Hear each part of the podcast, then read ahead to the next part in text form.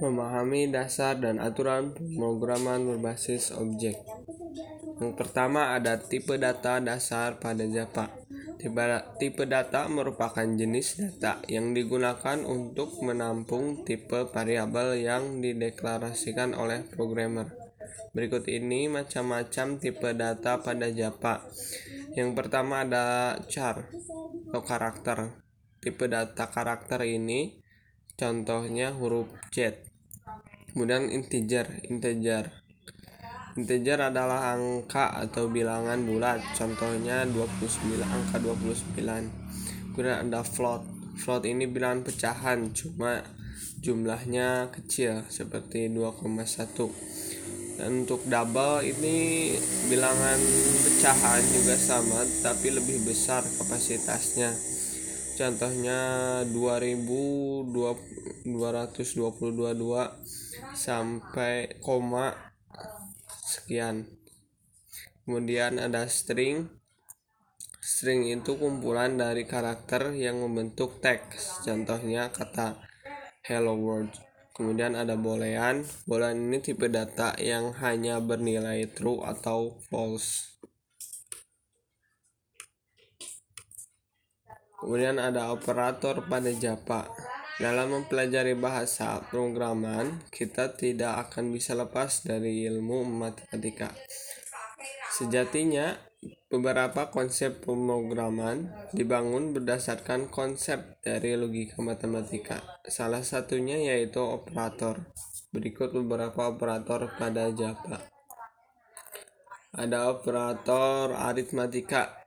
Operator aritmatika ini seperti matematika ada pertambahan, pengurangan, perkalian, pembagian, sisa hasil bagi plus plus atau ditambah satu min min atau dikurangi satu atau min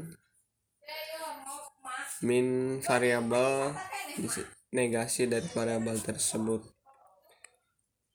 Kemudian ada operator pada Java operator relasional atau sering kita sebut lebih besar dari lebih kurang dari lebih besar sama dengan kurang dari sama dengan sama dengan tidak sama dengan.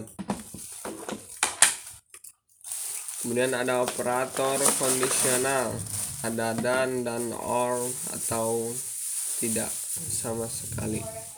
Atau negasi kemudian ada array pada Java di indeks adalah sebuah angka yang menyatakan urutan sebuah elemen pada suatu variabel array. Karena seluruh kotak memiliki nama yang sama, maka untuk membedakannya diperlukan suatu cara yaitu memberi nomor urut bentuk pendeklarasian array di Java.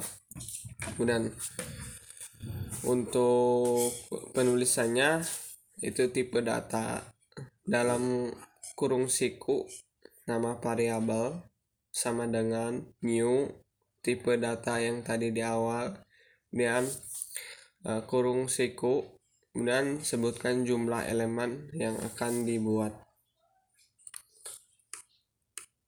Kemudian ada input pada Java. Jadi input adalah cara memasukkan data pada program yang sedang berjalan jika ingin memasukkan inputan maka harus yang pertama deklarasi library di awal dengan menuliskan import java.util.scanner kemudian membuat objek dengan menuliskan scanner nama nama inputan sama dengan new scanner dalam kurung system.in kemudian untuk inisialisasi dengan sistem out.println keterangan kemudian dalam kurung dalam kutip keterangan sebelum menginput data itu apa kemudian ada string nama variabel dan nama inputan dot next dalam kurung